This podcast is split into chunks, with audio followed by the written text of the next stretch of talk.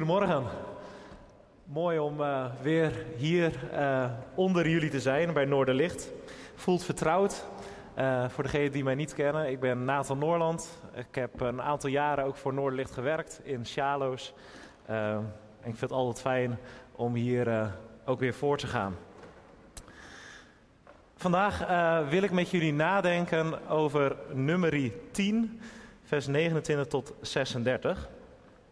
Uh, maar voordat we dat gaan lezen, misschien eerst eventjes wat achtergrondinformatie, want we komen midden zo'n verhaal binnen. Uh, nou, ik denk dat de meesten van ons het wel weten dat het volk van Israël op een gegeven moment vanuit Egypte, vanuit de slavernij onder leiding van Mozes, op weg gaat door de woestijn 40 jaar naar het beloofde land. En het volk bevindt zich op dit moment bij de berg Horeb, waar God zijn verbond heeft vernieuwd en de wet heeft gegeven. En daar vindt een mooie ontmoeting plaats tussen Mozes en Gobab. Nummer 10, vanaf vers 29. Mozes zei tegen Gobab, de zoon van de Midianiet Reuel, Mozes schoonvader: Wij vertrekken nu naar het gebied dat de Heer ons heeft toegezegd. Ga met ons mee. Je zult het goed bij ons hebben, want de Heer heeft Israël voorspoed beloofd. Maar hij, Gobab, antwoordde dat hij liever naar zijn geboorteland terugging. Mozes zei: Ga alsjeblieft niet bij ons weg. Je weet immers waar wij in de woestijn het beste onze tenten kunnen opslaan. Je kunt onze gids zijn. Letterlijk staat er: Jij bent voor ons als een paar ogen. Als je met ons meegaat, zullen wij je laten delen in de voorspoed die de Heer ons zal geven. Nadat ze bij de berg van de Heer vandaan gegaan waren, trokken ze drie dagen verder. De ark van het verbond met de Heer ging voor hen uit om een rustplaats voor hen te zoeken.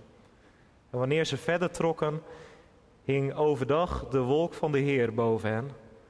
En steeds als de ark verder zou trekken, zei Mozes: Sta op, Heer, en uw vijanden stuiven uiteen. Uw tegenstanders vluchten voor u. En steeds als de ark stilhield, zei hij: Keer terug, Heer, naar Israël. Keer terug naar de tienduizend maal tienduizenden. Ik wil ook nog een gedeelte met jullie lezen uit het Nieuwe Testament. Uh, uit 1 Korinthe 12, vers 12 tot en met 27. Daar schrijft Paulus. Een lichaam is een eenheid die uit vele delen bestaat. Ondanks hun veelheid vormen al die delen samen één lichaam. En zo is het ook met het lichaam van Christus.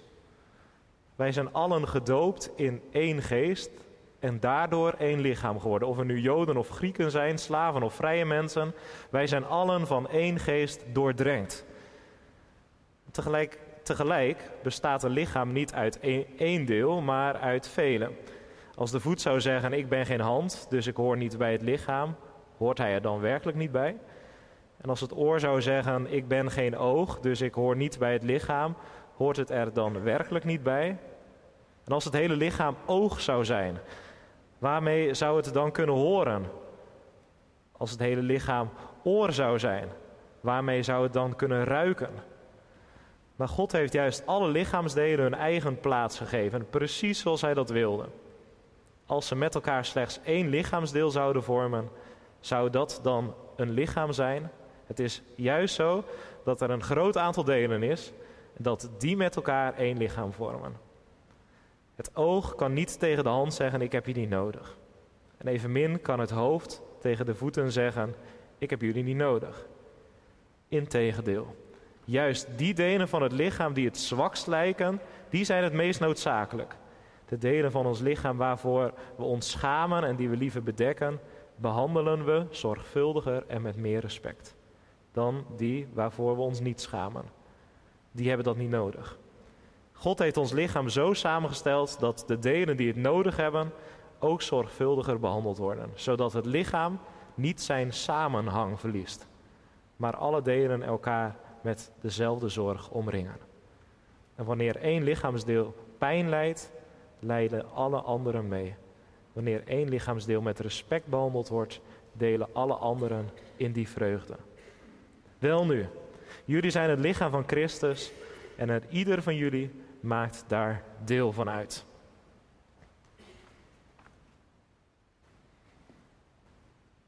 Ik had nog een dia bij de preek. Ja, komt ie. Super. Lieve zus en broer in de Heer Jezus.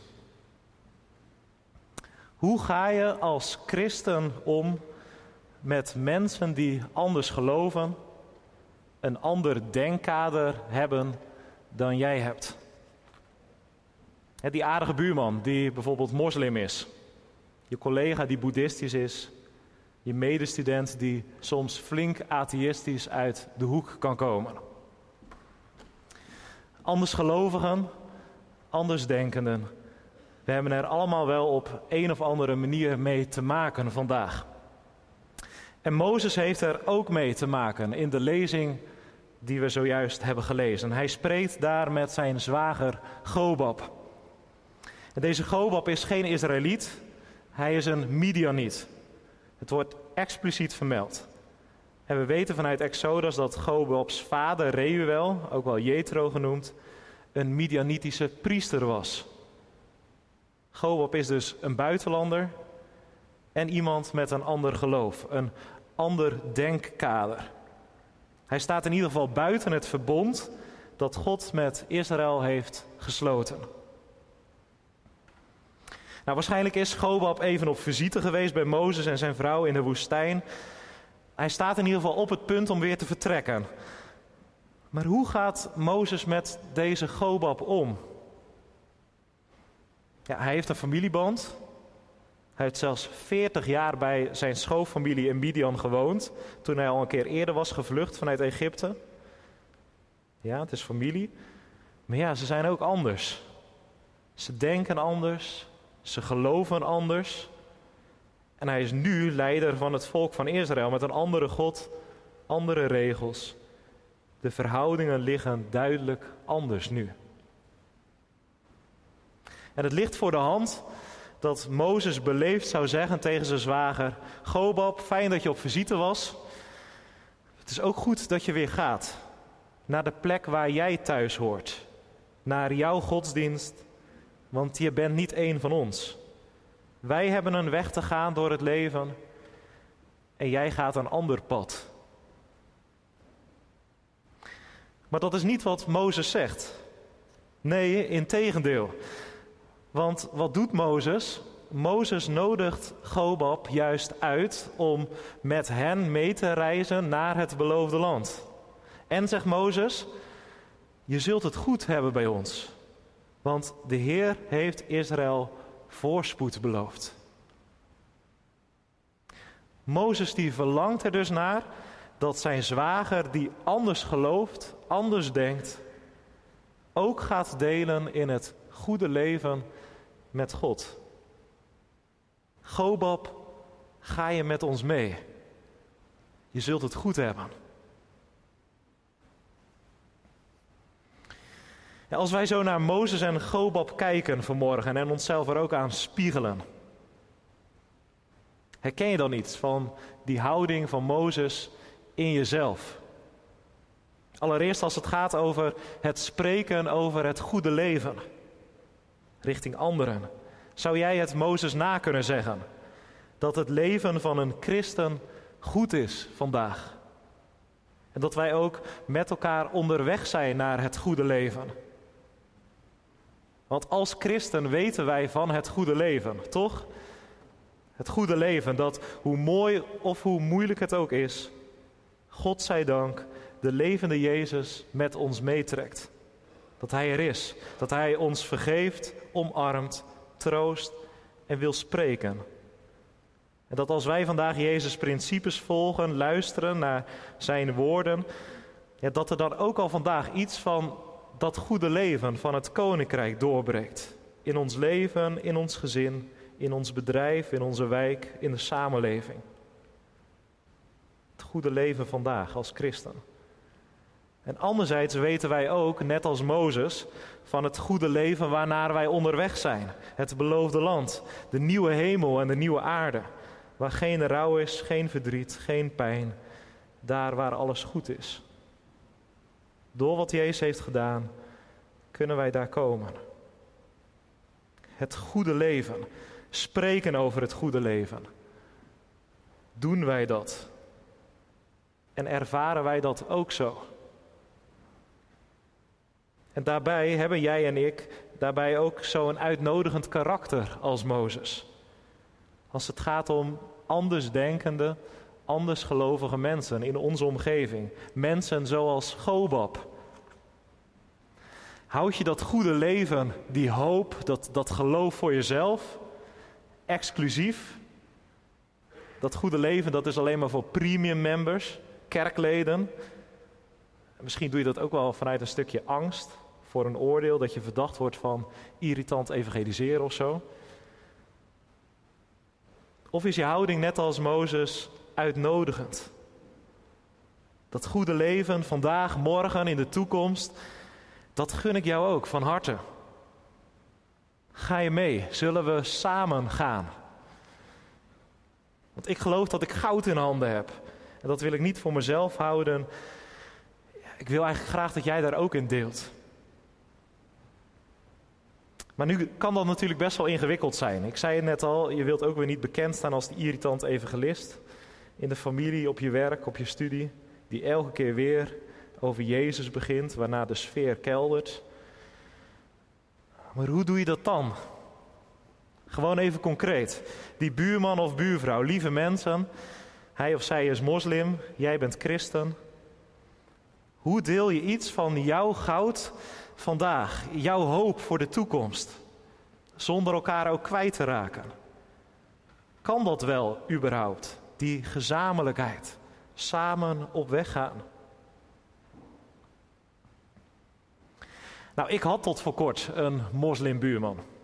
Geweldige kerel. Uh, en we hadden het regelmatig op een ontspannen manier over het leven, over geloven, over de overeenkomsten en over de verschillen. Over hoe hij het goede leven voor zich zag, waar hij van droomde. Hij was een vluchteling. En hoe ik dat zag. ja, eigenlijk alleen al dat luisteren naar elkaar, het oprecht van elkaar willen leren, elkaar in de ogen kijken, zonder oordeel, dat was eigenlijk al goed en samen oplopen. En ja, wel een ander beeld van de toekomst van God, maar we waren in ieder geval samen op weg, in gesprek. En een jaar geleden gebeurde hier iets moois. De Ramadan die, die viel gelijk met de 40 dagen tijd. En zo werden wij lotgenoten in het vasten. En in de week voor Pasen was ik bezig om een groot houten kruis te maken voor de Goede Vrijdagdienst. Dat leek me wel mooi. En wie kwam mij helpen? De moslimbuurman. En zo maakten wij samen een kruis. En tijdens dat maken van het kruis deelde ik iets van wat dat voor mij betekent. Dat Jezus gestorven voor mij, mijn pijn, verdriet, zonde met zich heeft meegenomen in het graf, maar wat het ook betekent dat Hij leeft, ook vandaag. En zo timmerden we, zo werkten wij samen aan het kruis. En de buurvrouw die maakte daar een foto van, omdat ze het zo indrukwekkend vond. Nou, hopelijk heeft hij door luisteren, vertellen, samen oplopen, samen dromen van het goede leven, iets van het goud ervaren. Ja, en andersom, want er zit natuurlijk ook een wederkerigheid in. Met feestdagen proefden wij weer letterlijk van het goede leven dat baklava heet. Nou, zoiets, hè, die, die wisselwerking. Misschien een heel ander beeld hebben van de goede toekomst. Maar toch ook proberen samen onderweg te gaan, samen te werken, oprecht naar elkaar te luisteren, op, oprecht van elkaar te leren. En hopelijk ook samen in het beloofde land aan te komen. Dat is eigenlijk waar Mozes Gobab vandaag voor uitnodigt. Ja, en Gobab die, die moet een afweging maken. Wordt het aanhaken of wordt het afhaken? Ga ik mee met Mozes, met het volk van Israël? of ga ik weer terug naar mijn eigen volk? En Gobab die kiest ervoor om niet mee te gaan. Hij haakt af. Wat hem tegenhoudt, we weten het niet. Is het de woestijn, de beproevingen, het onzekere tegenover het vertrouwde leven, het achterlaten van vrienden, familie, van godsdienst? Die afweging die Gobab hier moet maken, is eigenlijk een afweging die wij allen moeten maken in het leven. Blijf ik waar ik zit? Kies ik voor veiligheid? Het dingen zelf doen, fixen op mijn manier? Of ben ik onderweg met Jezus? In beweging leef ik uit Zijn genade, volgens Zijn principes, richting Gods nieuwe hemel en nieuwe aarde. Ook als het volk van God om mij heen soms irritant aan het mopperen is. Ja, ook in ons leven is het aanhaken of afhaken. En Jezus die zegt dat ook. Wie mij wil volgen, moet bereid zijn om al het aardse bezit, alle aardse relaties los te kunnen laten. Maar wie mij onvoorwaardelijk volgt, zal ook delen in de zegen van het koninkrijk van God. Het is geen lichtzinnige afweging die Gobab hier moet maken. Het is een radicale afweging. waarom radicaal? Nou, omdat er ook een consequentie zit in dat afhaken. Want afhaken betekent dat je dat goede leven ook gaat missen. En die goede toekomst gaat missen. Dat dit aan je voorbij gaat. Dat je daar buiten komt te staan. Gobab haakt af. Hij maakt aanstalten om weer terug te gaan. En nu had Mozes het daar natuurlijk bij kunnen laten zitten. Nou, respect voor jouw keuze. Maar wat opvalt is dat Mozes dat niet doet. Hij laat het niet zitten bij deze nee van Gobab. Mozes probeert Gobab er toch nog op een mooie manier bij te trekken. Mooie warme houding. Ik zat er sowieso over door te denken. Toen dacht ik bij mezelf: ja, hoe doen wij dat met mensen vandaag? Die op verschillende manieren niet meer mee willen doen. Opgeslokt door werk, studie, drukte, een gezin, vragen, depressie, wat dan ook. Zeggen we dan, nou ja, dat is dan maar zo. Dat moet hij of zij toch zelf weten. Je kunt ook niet altijd blijven poesen. We leven in een vrij land. Of probeer het toch nog een keer, zoals Mozes. En nog een keer. Mozes die weet wat Gobab misloopt als hij niet meegaat.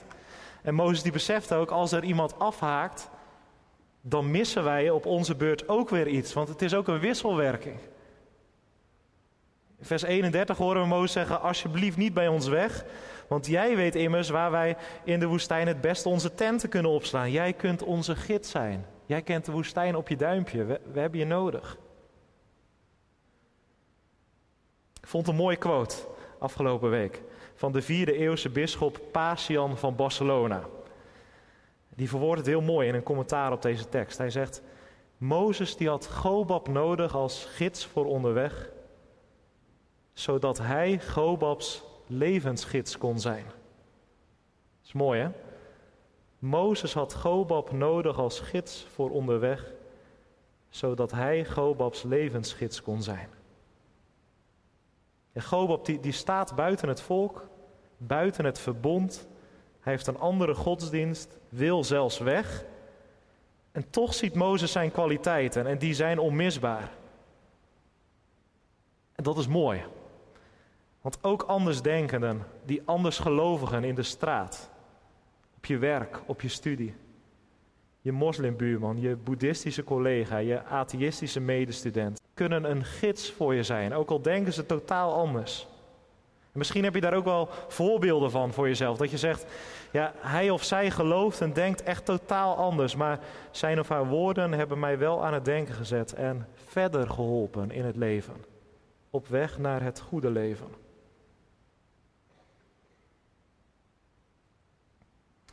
Mozes zegt tegen Gobab, jij kunt onze gids zijn. Nu staat er letterlijk eigenlijk iets anders. Letterlijk staat er in het Hebreeuws: Jij bent voor ons als een paar ogen. Jij bent voor ons als een paar ogen. En dat doet natuurlijk denken aan die bekende tekst van Paulus over de gemeente. De kerk als een lichaam. De een is het oog, de ander de voet, weer een ander is de hand. Je hebt elkaar nodig. Je kunt de ander niet missen. En we moeten ook zorgvuldig omgaan met de ander. Gobab, jij bent voor ons als een paar ogen. We kunnen jou niet missen onderweg. Want wat is een lichaam zonder de ogen? Wij zouden als blinden door de woestijn gaan. Misschien zeg je vanmorgen, die Gobab, hè? En dat niet mee willen doen, om wat voor reden dan ook. Dat herken ik eigenlijk ook wel. Ik ben ook een Gobab. Ik zit hier in de kerk, heel veel mensen om me heen. Maar of dit nu het goede leven is, als ik zo om me heen kijk, en die toekomst vol van hoop, gaat dat echt komen of houden we onszelf voor de gek? En als je dat voelt vandaag, dan wordt er vandaag toch ook tegen jou gezegd: We hebben jou nodig, ook jou. Met je talenten, jij bent onze ogen, of je bent onze mond, of onze oren, of jij bent onze handen. Zonder jou, als jij afhaakt, zijn wij incompleet. En het spijt ons als we jou niet gezien hebben toen je het moeilijk had. We hadden toen met je mee moeten leiden. En het spijt ons ook als we jouw talenten niet gezien hebben. Als we handen misten, maar jou niet zagen, of een luisterend oor of mond die sprak. Maar wij willen graag met jou, samen. Het is goed om de kwaliteiten van de ander te zien en daar ook weer zorgvuldig mee om te gaan. Mensen te bevestigen waar ze goed in zijn. Ze erbij te trekken. In de kerk eren we nog wel eens alleen de mensen met een kerntaak. De voorgangers, sommige kerken, misschien kom je ook wel uit zo'n kerk, hangen de grote borden in zo'n kerk met alle dominees erop. Um, maar waarom, vraag me dan af, hangen er dan ook geen bord op voor de schoonmakers, de koffieschenkers, de band, het biemerteam, de kosters, de jeugdwerkers, de oppas, de mensen die de voedselbank en kledingbank draaien? Want we doen er allemaal toe. We zijn een lichaam, we kunnen niet zonder elkaar. Maarten Luther zou zeggen: we staan allemaal in het ambt van alle gelovigen. En Paulus zegt: door de doop worden wij aan elkaar gegeven. De prangende vraag is natuurlijk: zou Gobab toch ingegaan zijn op die tweede aansporing van Mozes? Nummer 10 houdt het in het midden. Maar in het boek Rechters wordt er wel meer duidelijkheid gegeven. En ik wil vragen of die, ja, volgende dia kan. In Rechters 4, vers 11 lezen wij over Geber, die zijn tenten op heeft gezet in het beloofde land.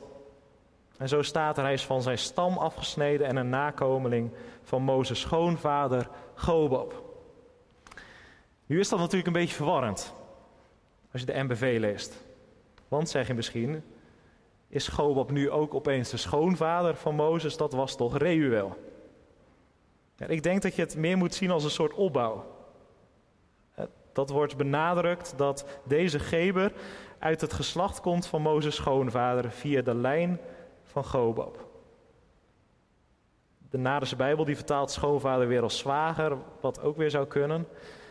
Nou ja, duidelijk wordt in ieder geval uit Rechters 4 vers 11 dat Gobab zich toch heeft losgemaakt van zijn stam. Hij heeft zijn vertrouwde leven achtergelaten. En hij is inderdaad onderweg gegaan met het volk van Israël richting het beloofde land. Om hun ogen te zijn. Het is dus goed dat Mozes heeft volgehouden. Ga toch alsjeblieft wel met ons mee. Want jij bent onze ogen. Hij mag weer terug. Verder, ja. Nu is het belangrijk om samen op weg te gaan. Als lichaam als gemeente, als Noorderlicht, als volk van God richting het beloofde land. Zelfs dus ook met mensen buiten de gemeente, mensen die misschien ook wel heel anders geloven. Mensen zoals Gobab. We gaan samen. En tegelijkertijd, we weten het allemaal. En we weten het ook van onszelf als het goed is. Je kunt niet altijd op mensen aan. Mensen blijven mensen die het soms ook laten afweten. En we kunnen daarom nog wel eens gefrustreerd raken als we juist die extra hand of voet missen. In het jeugdwerk, bij de voedselbank, in het kernteam. En nu is het mooie in de tekst van vandaag dat of Gobab nu wel of niet meegaat, dat doet er eigenlijk niet zo toe. Eén ding is zeker. God gaat altijd mee. Het is fijn als Gobab meegaat. Het is goed als hij meegaat. Maar God gaat in ieder geval altijd mee. De ark van het verbond gaat voor het volk uit om elke keer weer een rustplaats voor het volk te zoeken. Ja, het volk kan die ogen van Gobab heel goed gebruiken, maar onderweg zijn als gemeente, als kerk, als Gods volk, dat is ten diepste geen mensenwerk. God is degene die in controle is. Hij gaat voorop en wij mogen volgen. Niet vooruitrennen, dat staat er niet. Heigend van al die activiteiten die we ook komend seizoen willen, willen organiseren. In combinatie met werk, kinderen, relatie, kleinkinderen, druk, druk, druk. Nee, er staat volgend. We mogen onze talenten gebruiken, maar we gaan van rustplaats naar rustplaats. In zijn ritme. Met de wolk boven ons die ons zegenend nabij is. En als het volk zo in beweging komt, bij de Horeb vandaan. Net zoals het gemeenteleven, de kringen, het beleidingstraject, alfa-cursus en ga zo maar door, deze maand ook weer in beweging komen. Dan kan dat niet zonder gebed. Gebed is de brandstof van de motor van alles wat we doen. En zonder brandstof kom je niet ver, zonder gebed ook niet. En Mozes bidt tot slot. Hij zegt: Sta op, Heer, en kom terug. Ja, en dat mag ook het gebed zijn van de kerk vandaag. Dat God in Jezus ook onder ons opstaat, elke dag weer opnieuw. Zich aan ons toont als de levende. Als Hij die onze zonden vergeeft, onze wonden geneest, ons omarmt. Hij die ook opstaat tegen onrecht. Opstaat als de waarheid wordt verdraaid door de leugen. Sta op, Heer. Sta op, ook vandaag, hier in Rotterdam. Sta op, Heer, ook in mijn persoonlijke leven, in onze relatie, in ons gezin, in onze familie, op mijn werk, in de wijk. Sta op, Heer. We kunnen niet zonder U. En Mozes bidt ook, kom terug. Dan zien we iets van dat verlangen in, van Maranatha. Kom spoedig weer terug om alles te herstellen wat kapot is. Mensenlevens, dierenlevens, het klimaat, ongelijkheid, kapotte relaties, het gebrek aan vertrouwen. Er is zoveel kapot. Maar kom Jezus, kom, vul dit land met uw heerlijkheid. Sta op, Heer, en kom weer terug. Het is eigenlijk een heel eenvoudig gebed. Laten wij het met Mozes meebidden, ook vandaag. Amen. We hebben het luisterlied gekozen als een soort getuigenis van je geloof. Uh, in het refrein zingen we. Kijk hoor, dit is de reden dat ik zing. Uh, misschien hou je niet van zingen, dan kan je het ook opvatten als: dit is de reden waarom ik getuig van God.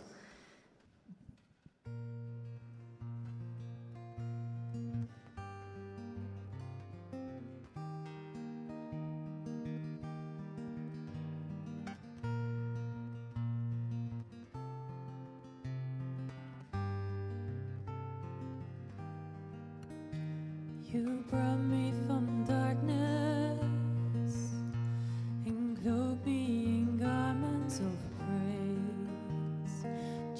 this forever, my soul.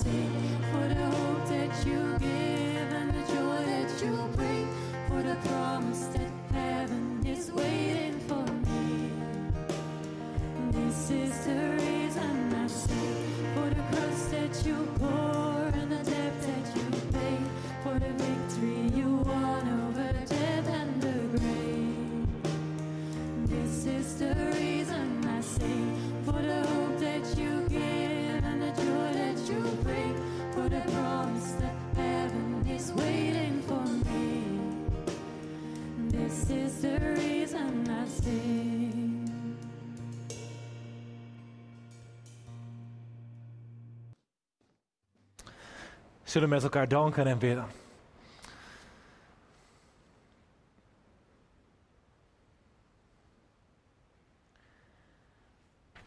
Heer onze God, dank u wel dat we hier samen mochten komen vanmorgen. In de kerk, thuis, via de livestream. Als broers en zussen die bij elkaar houvast vinden. Samen het goede leven te proeven, te vieren dat u leeft. Dat we ook onderweg zijn naar het beloofde land. Wat een voorrecht. En God, in die wandeling door het leven, het pad dat wij volgen, komen we ook heel veel mensen tegen die anders denken, anders geloven. Misschien zelfs al in ons gezin, in onze relatie, in de buurt. Dat kan soms een innerlijk conflict opleveren en dat, dat leggen we ook gewoon maar bij u neer.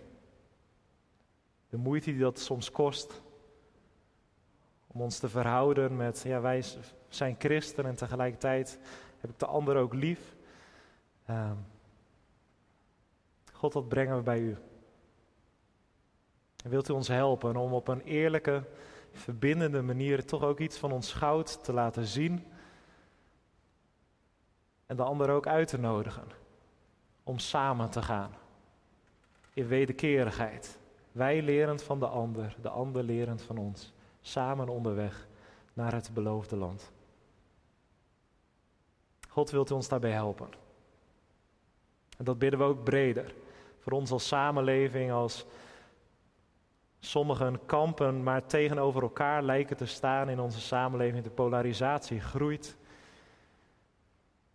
Dan bidden we dat we ook als volk van Nederland samen onderweg mogen gaan richting het goede leven. Ook met de verkiezingopkomst. We vragen om uh, uw Heilige Geest.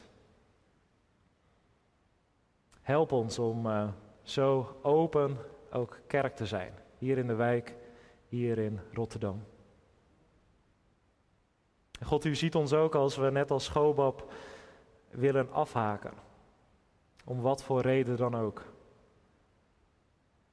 En die pijn die willen we ook bij u neerleggen. Onze redenen, dat we het gewoon niet meer weten.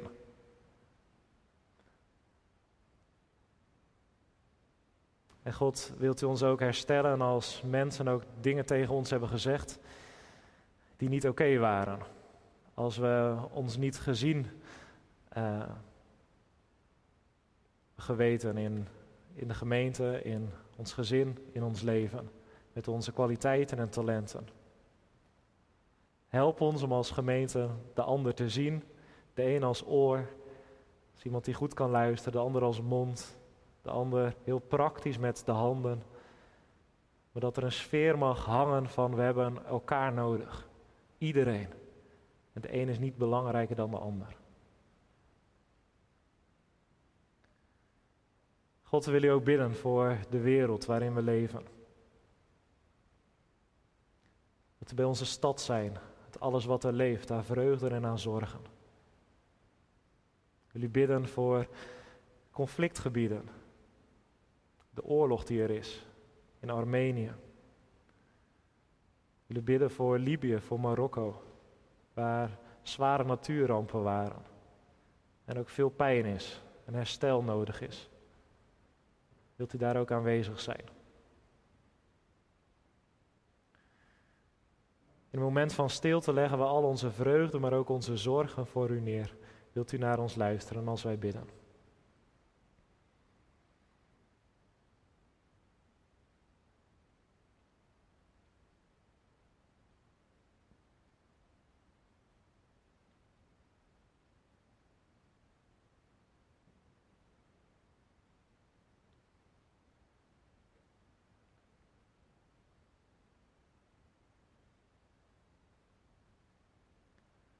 We vatten al onze gebeden samen met de woorden die uw Zoon, de Heer Jezus, ons heeft leren bidden. Onze Vader, die in de hemel zijt. Uw naam worden geheiligd, uw koninkrijk komen. Uw wil geschieden, gelijk in de hemel als ook op de aarde. Geef ons heden ons dagelijks brood en vergeef ons onze schulden, gelijk ook wij vergeven onze schuldenaren. En leid ons niet in verzoeking, maar verlos ons van de boze. Want van u is het koninkrijk en de kracht en de heerlijkheid tot in eeuwigheid. Amen.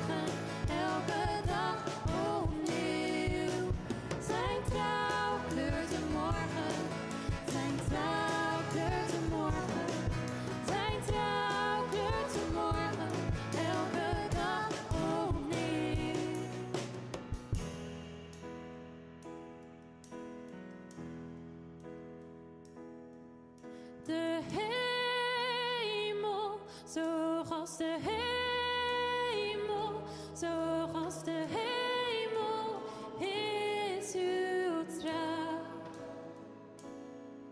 De hemel, zo hoog als de hemel, zo hoog als de hemel.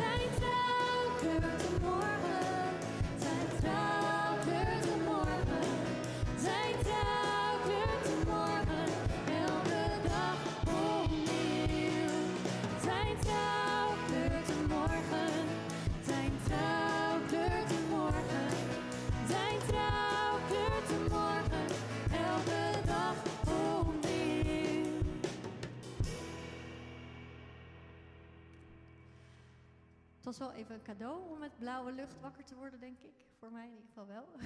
ik hoop voor jullie ook. Uh, volgende lied is ook een eh, bekend lied.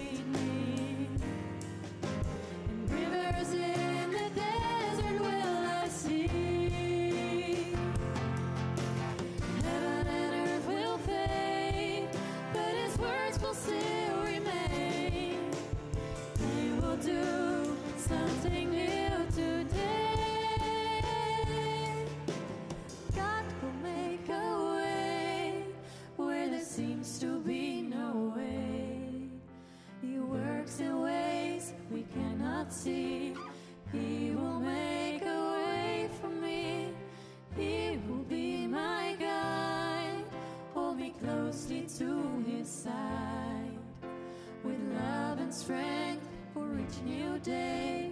He will make a way. He will make a way.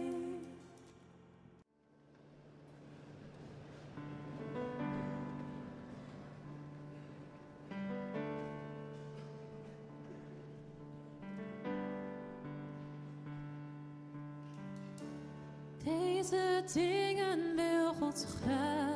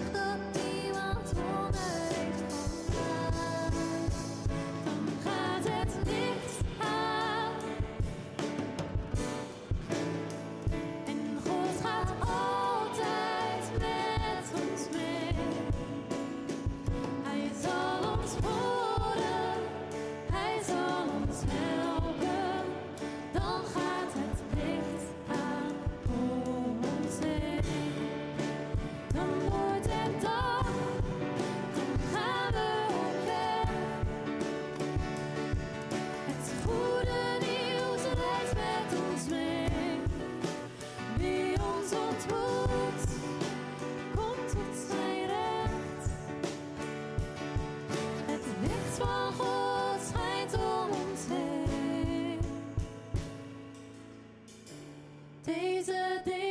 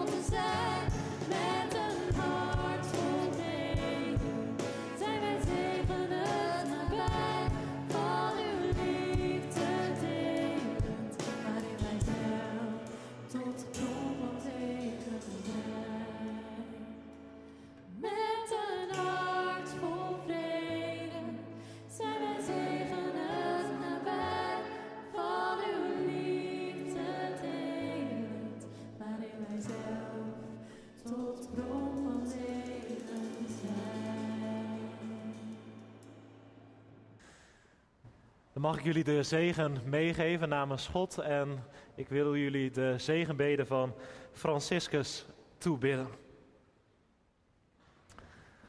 Mogen God je zegenen met onrust over gemakkelijke antwoorden, halve waarheden en oppervlakkige relaties, zodat er diepgang mogen zijn in onze harten. Mogen God je zegenen met boosheid over onrechtvaardigheid, onderdrukking en uitbuiting van mensen, zodat we ons in gaan zetten voor rechtvaardigheid, vrijheid en vrede. Mogen God je zegenen met tranen plengen voor hen die lijden door pijn, verstoting, honger en oorlog. Zodat wij onze handen zullen uitstrekken tot troost om pijn in vreugde te veranderen. En mogen God je zegenen met voldoende dwaasheid om te geloven dat wij een verschil kunnen maken in deze wereld. Zodat we kunnen doen waarvan anderen zeggen dat het onmogelijk is. Maar wat mogelijk is in Jezus Christus door Zijn geest. Amen.